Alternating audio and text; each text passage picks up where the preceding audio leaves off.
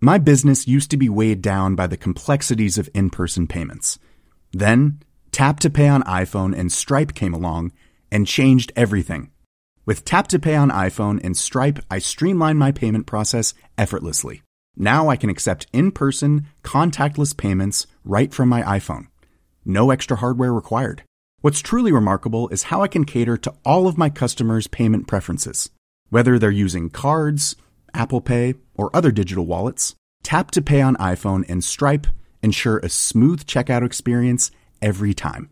And it's not just me. Stripe helps businesses of all sizes, from local markets to global retailers, scale quickly and stay agile. To learn how Tap to Pay on iPhone and Stripe can help grow your revenue and reach, visit stripe.com slash tap iPhone. Hans Petter og Co. presenteres av TrippelTex, det skybaserte økonomisystemet som gir store og små virksomheter full oversikt over økonomien. Prøv TrippelTex gratis du også, i 14 dager, ved å gå inn på trippeltex.no.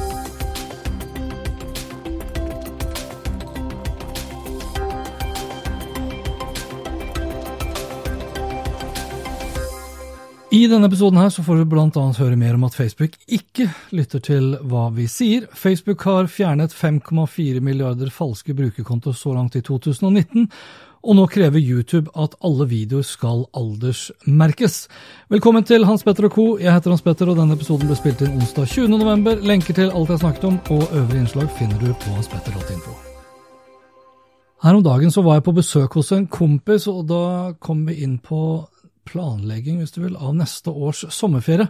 Under årets sommerferie hadde vi seila i Hellas, men til neste år vurderte vi sterkt om vi ikke skulle dra til Bali, hvor jeg da har feriert flere ganger med min familie. Og Kort tid etterpå, da jeg hadde kommet hjem, så dukket det da opp flere reklamer for flyreiser til Bali, hoteller på Bali og generelle annonser for Bali som et reisemål. Kan det virkelig være slik at Facebook lytter på samtalene våre via mikrofonen på våre smarttelefoner, bare for å gi oss da mer relevant reklame? Og svaret på det er nei. Facebook lytter ikke på samtalene våre. Dermed basta. Punktum. Men konspirasjonsteorier har en tendens til å dukke opp igjen. Og igjen og igjen. Og det er kanskje ikke så rart, for det mangler ikke på påstander om at Facebook nettopp gjør det her. Og det mangler heller ikke på erfaringer og opplevelser blant oss Facebook-brukere som peker i retning av at vi blir lyttet på av Facebook. Eksempelet som jeg innledet med var ikke reelt, men jeg har faktisk opplevd å snakke med venner om å reise til USA, og så umiddelbart etterpå sett reklame på Facebook for et SAS-tilbud til USA. Er det tilfeldig? Nei. Men skyldes det mikrofonen på smarttelefonen? Nei til det også. I 2016 så hevdet den amerikanske medieprofessoren Kelly Burns ved University of South Florida at Facebook lyttet på samtalene våre for å gi oss mer målretta reklame i nyhetsfeeden vår. Hun hadde kommet fram til dette ved å snakke om forskjellige temaer i nærheten av mobiltelefonen sin, og ikke uventet dukket det opp reklame om de samme temaene i nyhetsfeeden kort tid etterpå. Men er det sånn det fungerer? At Facebook faktisk bruker mikrofonen på smarttelefonene våre og lytter på samtalene for å gi oss mer relevant reklame? Hører Facebook på det vi sier? Yes or no, does Facebook use audio obtained from mobile devices to enrich personal information about its users?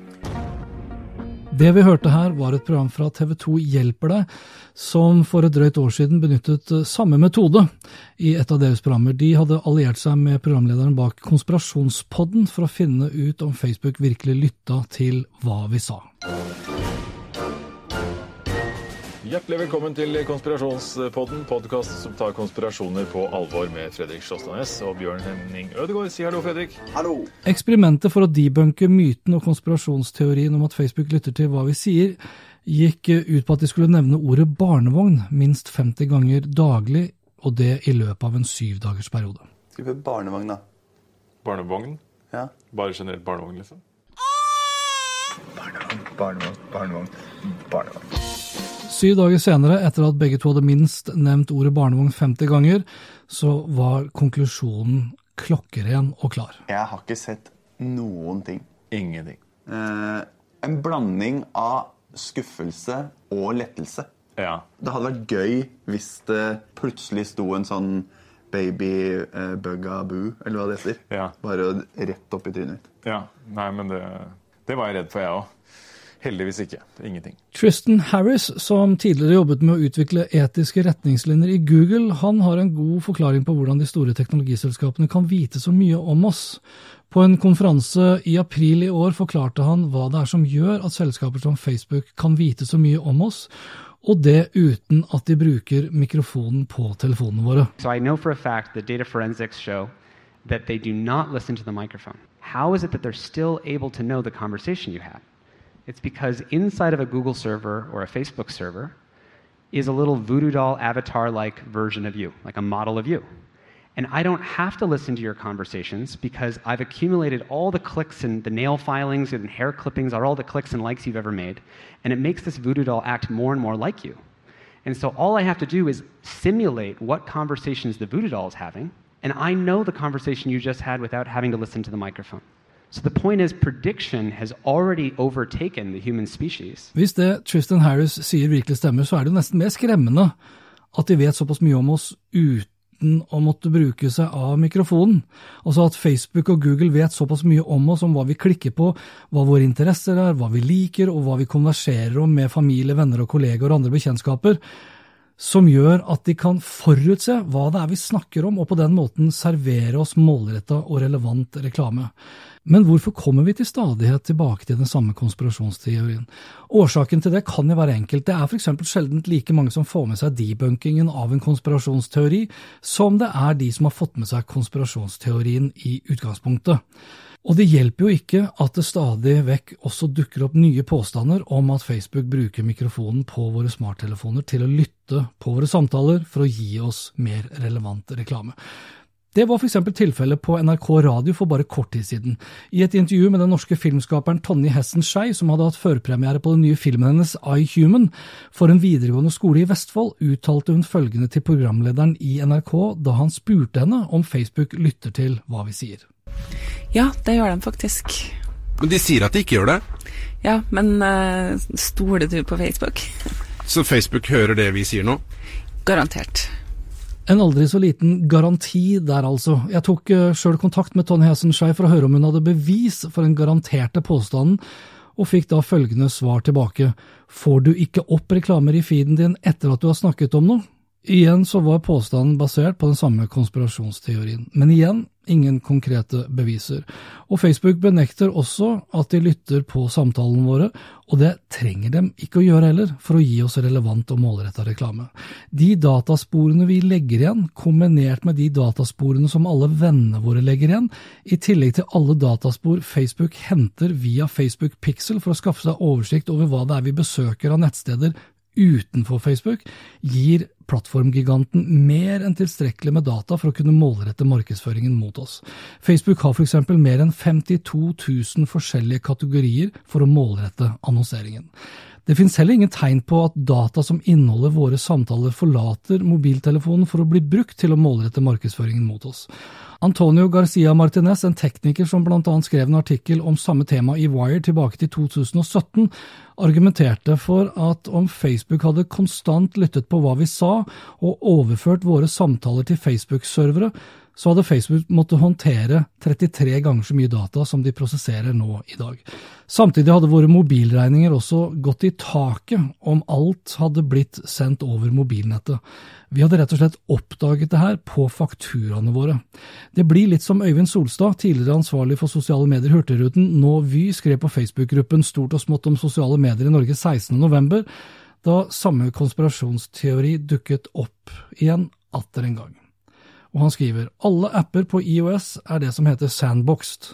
De kjører i lukkede deler av operativsystemet og kan ikke hente data fra hverandre eller styre hverandre uten at du som bruker helt konkret ber om det. I IOS får du en svær rød linje øverst på skjermen om apper som hører på deg. Last ned Shazam og se hva som skjer når du ber appen lytte på musikk. Rød linje øverst, og den forsvinner når appen er ferdig. Det blir litt på samme måte som da jeg husker Marianne altså min kone og jeg forsøkte å få barn for snart 14 år siden, da så vi folk med barnevogn overalt. Eller da gravide kvinner overalt. I dag er det sikkert like mange som er gravide, og sikkert like mange som går med barnevogn, men nå tenker jeg ikke over det, og derfor ser jeg det heller ikke. I løpet av den siste uken så har jeg for ordens skyld nevnt ordet morsmelk en rekke ganger hver bidige dag for å se om det dukker opp reklame for morsmelk på min Facebook-feed. Så langt så har jeg verken sett reklame for barn, barnevogner, gravide eller morsmelk. Ingenting. Det er greit at tilliten til Facebook er på et bunnivå, og at Mark Zuckerberg har måttet stå skolerett i Kongressen og Senatet flere ganger, men i dette tilfellet her så tror jeg faktisk Mark Zuckerberg snakker sant når han benekter at Facebook lytter på hva vi sier. De trenger rett og slett ikke å gjøre det. Vi gir fra oss nok data som det er på andre måter. Uh, yes or no, does Facebook use audio obtained from mobile devices to enrich personal information about its users? No. The uh, Well, Senator, let, let me be let me be clear on this. I mean, so you're you're talking about this conspiracy theory that gets passed around that we listen to what's going on on your microphone and use that for ads. Right. We don't do that. To be clear, we do allow people to take videos on their on their devices and um, and share those. And of course, videos also have audio. So so we do while you're taking a video. Um, record that and use that to make the service better by making sure that your videos have audio. But I, I mean, that I think is, is pretty clear, but I just wanted to make sure I was exhaustive there. well, I appreciate that, and uh, hopefully that'll dispel a lot of what I've been hearing. So thank you for saying that. Om litt så skal du få høre litt mer om at Facebook har fjernet 5,4 milliarder falske brukerkonto så langt i 2019, og at YouTube nå krever at alle videoer skal aldersmerkes, men først det her. Skal du arrangere en konferanse eller holde et seminar, er Check-in løsninga for deg. Check-in er et norskutvikla påmeldings- og billettsystem som er tilpassa norske regnskapsforhold. Derfor har virksomheter som Kommunalbanken, Nobelinstituttet, Oslo Business Forum, Inma og Dagens Næringsliv tatt i bruk Check-in. Check-in forenkler og automatiserer store deler av registreringen og betalingen for deg. Bra for deg, effektivt og enkelt for publikum. Og derfor registrerer flere tusen deltakere seg på et arrangement via Check-in hver eneste dag. Check-in løser også innsjekk ved at de sender ut SMS-billett med QR-kode som skannes, og navnelapp skrives ut automatisk. Gå inn på checkin.no slash Hans nå, så kan du teste ut Check-in helt gratis. Falske nyheter er uten tvil et økende problem, et økende samfunnsproblem og et økende problem for Facebook.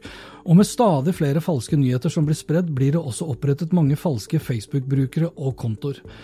Men det er ikke kun til spredning av falske nyheter. Det blir opprettet falske brukerkontoer, men også til salg av narkotika, våpen, barnemisbruk, hatprat, mobbing, selvskading og selvmord, som også er med på å drive opp volumet av disse falske kontoene på Facebook.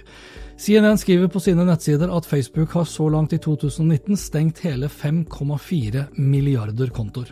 Det er en økning på over 60% sammenlignet med hele 2018, og det er jo fortsatt noen dager igjen av 2019. Samtidig så er det en nedgang på 25% hvis man ser på antall kontoer Facebook stengte i perioden januar til mars i år. For da hadde Mark Co. stengt over 2 milliarder, tilsvarende 24 millioner kontoer i gjennomsnitt hver eneste dag. 5,4 milliarder kontoer stengt fra januar til november i år tilsvarer 18 millioner kontoer som Facebook stenger hver eneste dag. På den ene siden så er det flott å se at antall daglige kontoer som blir stengt, har gått ned fra 24 til 18 millioner. Samtidig så er jo det en mager trøst når volumet per dag tilsvarer 100% økning fra 2018. Og det her lover jo ikke godt for 2020, hvor det amerikanske valget for alvor vil settes i gang. Utfordringen til Facebook gjelder ikke bare Facebook, men også Facebook-eide Instagram, som svært mange fortsatt ikke er klar over at Facebook eier. Og de har jo eid da Instagram i nå snart åtte år. CNN skriver at Facebook fjernet over tre millioner poster som brøt med deres retningslinjer om å selge narkotika på Instagram. Snapchat har jo for øvrig tilsvarende utfordringer. I tillegg fjernet også Facebook nesten 100 000 poster som omhandlet salg av våpen på Instagram. På Instagram er det også et økende problem knytta til barnemisbruk, selvskading og selvmord. Og i NRK-serien Innafor, hvor vi for kort tid siden ble kjent med de mørke sidene av Instagram, hvor programlederen Vilde utforsker et lukket nettverk av unge som deler fra sin vonde hverdag, så ser man hvor ille det også kan gå. Det er for øvrig en serie jeg anbefaler alle å se på, uavhengig om man har yngre barn eller ikke. Hvordan er dette mørke Instagram-miljøet egentlig knytta sammen? Vi prøver nå å bekrefte så mange som mulig av de døde. Bakom de ukjente profilnavnene begynner vi nå etter hvert å få noen navn og ansikter på plass. Anette. Hun tok livet sitt sommeren 2016. De som er svart-hvitte, de lever ikke lenger sånn. Nei. Tidligere i år begynte Facebook å la sine hatpratalgoritmer å automatisk fjerne innhold de mener bryter med deres retningslinjer, og ett resultat som har kommet ut av det, er at volumet av hatprat som har blitt fjernet fra Facebook, har økt. Tilsvarende teknologi er så langt jeg kjenner ikke implementert på Instagram, og det kan man jo bare håpe også da vil komme. Ok, nå sitter jeg med Facebook Portal Mini, og den skal herved unboxes. Eh, full review kommer eh, litt senere.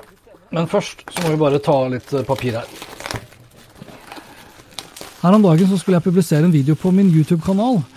Av Jan Petter Dahl i TV 2 hadde jeg fått lånt hans uh, uåpna Facebook Portal Mini, en smartskjerm som bl.a. Uh, la meg kjøre videosamtaler med mine venner og forbindelser på Facebook og WhatsApp og som fungerer som en smarthøyttaler tilsvarende Google Nest, men da med Amazon Alexa. Og Da jeg skulle laste opp da, den nye videoen, så dukket det opp et helt uh, nytt blått felt øverst på YouTube, hvor det da sto følgende.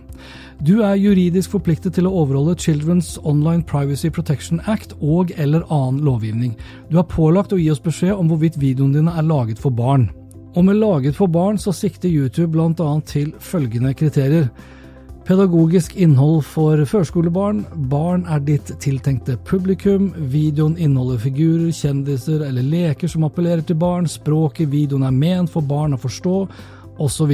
Det handler med andre ord ikke om videoen du har laget også kan ses av barn, at du f.eks. ikke banner og bruker stygge ord osv.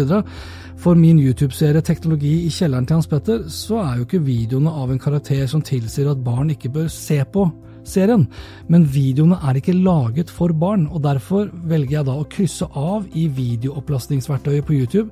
Nei, den er ikke laget for barn.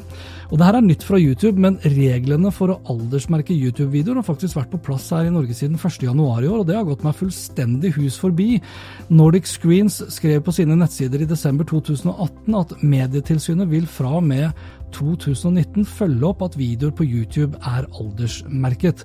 Videre skriver de at videoer som legges ut på YouTube fra med 1.1.2019 må merkes med en aldersgrense. Medietilsynet vil kontrollere videoer og gi råd og veiledning dersom du har satt feil aldersgrense. Følger du ikke loven, så kan du bli straffet med advarsel, gebyr eller tvangsmulkt. På Medietilsynets egne nettsider så har de lagt ut uh, såkalte aldersgrenseikoner som du kan laste ned og legge over på din thumbnail til den aktuelle YouTube-videoen du er i ferd med å publisere. Og så Her har jeg rett og slett sovet i timen, uh, men så har jeg heller ikke hørt om en eneste YouTuber som har blitt straffet, verken med advarsel, gebyr eller tvangsmulkt. Men nå er iallfall du både opplyst og advart. Jeg runder av denne episoden med noen kortere overskrifter. I episode 68 så var jeg innom den digitale annonseomsetningen for september, som da var levert av Inma. Ser vi på det totale reklamemarkedet, og da for oktober så ble det en svært svart måned. Nedgangen var på nesten 13% etter årets ti første måneder viser reklametallene fra Mediebyråforeningens leder Merete Mandt Larsen en nedgang på nesten 6% sammenlignet med samme periode i fjor og hun sier til kampanje at det skal svært mye til for at vi lander på plusstall når året er ferdig. Etter årets ti første måneder har det blitt omsatt reklame via mediebyråene for drøye 8 milliarder kroner. Det er en kraftig forverring fra fjoråret, og det med hele 500 millioner kroner. Etter tilsvarende periode i fjor var omsetningen på 8,49 milliarder kroner.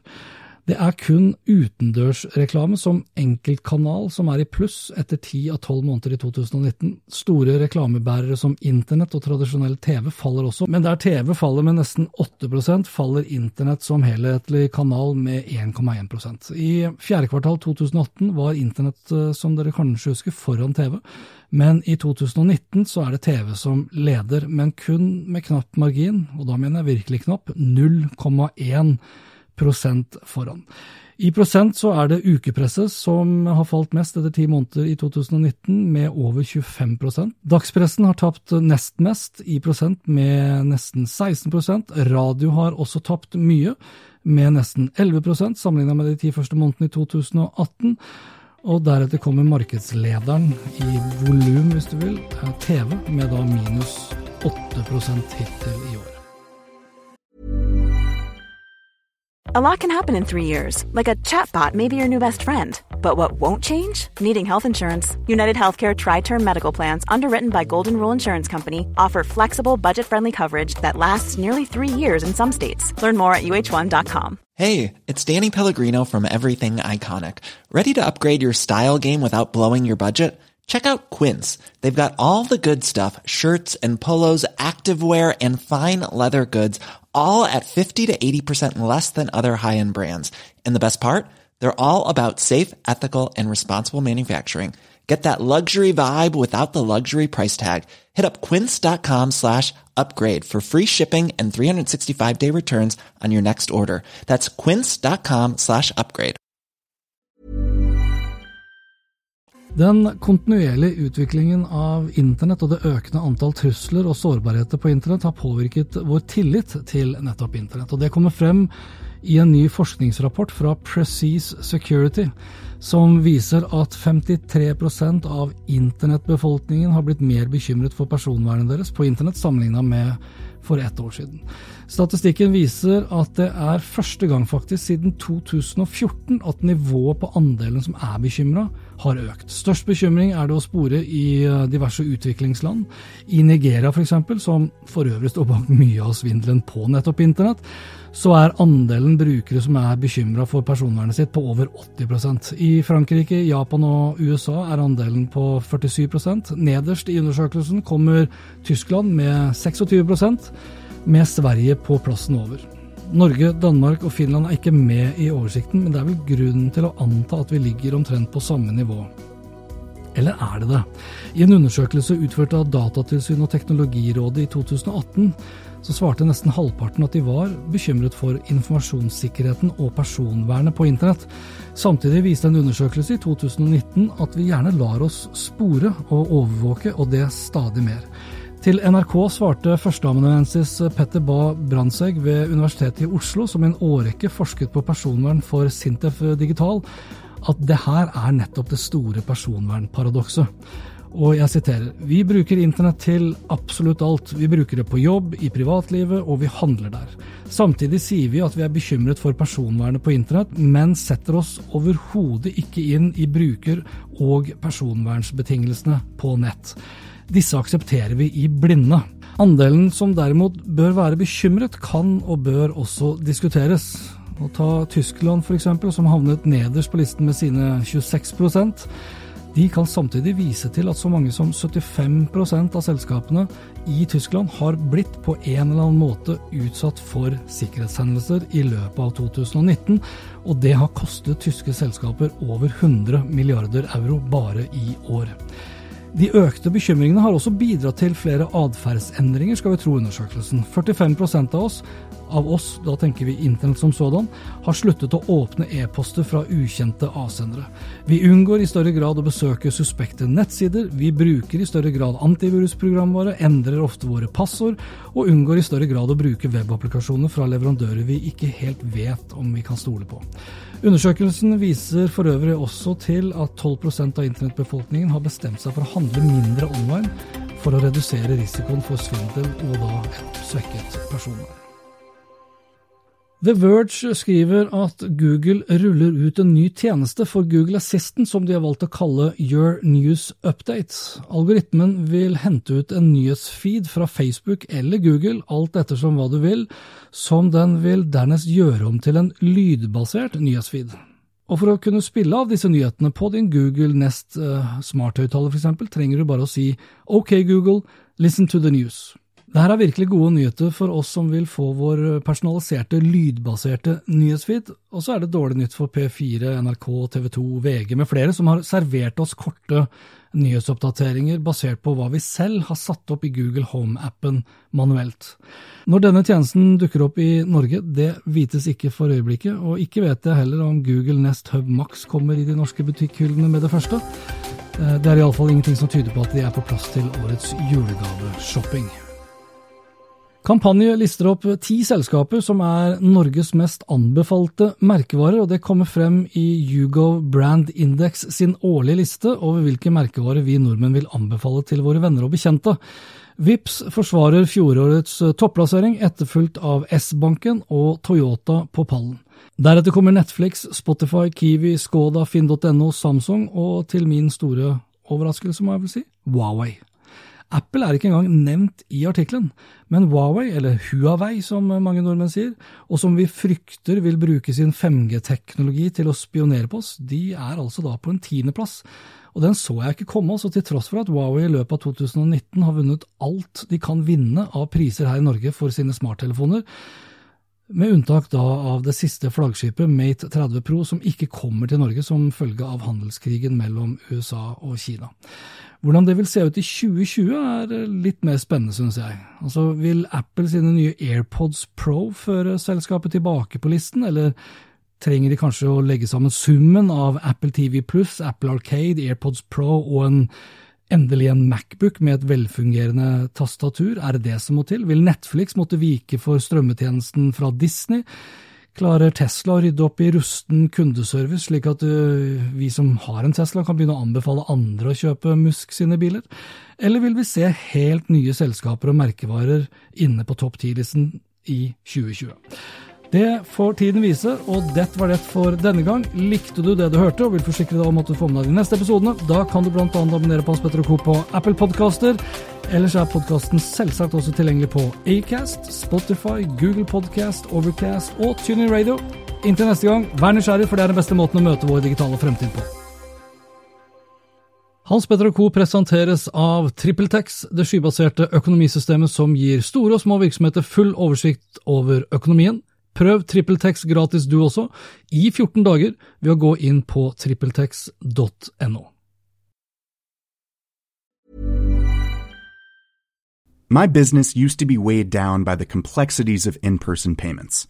Then, Tap to Pay on iPhone and Stripe came along and changed everything.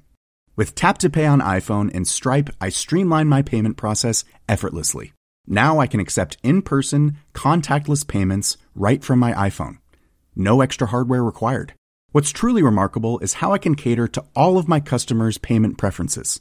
Whether they're using cards, Apple Pay, or other digital wallets, Tap to Pay on iPhone and Stripe ensure a smooth checkout experience every time. And it's not just me. Stripe helps businesses of all sizes, from local markets to global retailers, scale quickly and stay agile. To learn how Tap to Pay on iPhone and Stripe can help grow your revenue and reach, Visit stripe.com slash tap iPhone. Why don't more infant formula companies use organic, grass fed whole milk instead of skim? Why don't more infant formula companies use the latest breast milk science? Why don't more infant formula companies run their own clinical trials? Why don't more infant formula companies use more of the proteins found in breast milk? Why don't more infant formula companies have their own factories instead of outsourcing their manufacturing? We wondered the same thing. So we made ByHeart a better formula for formula. Learn more at byheart.com.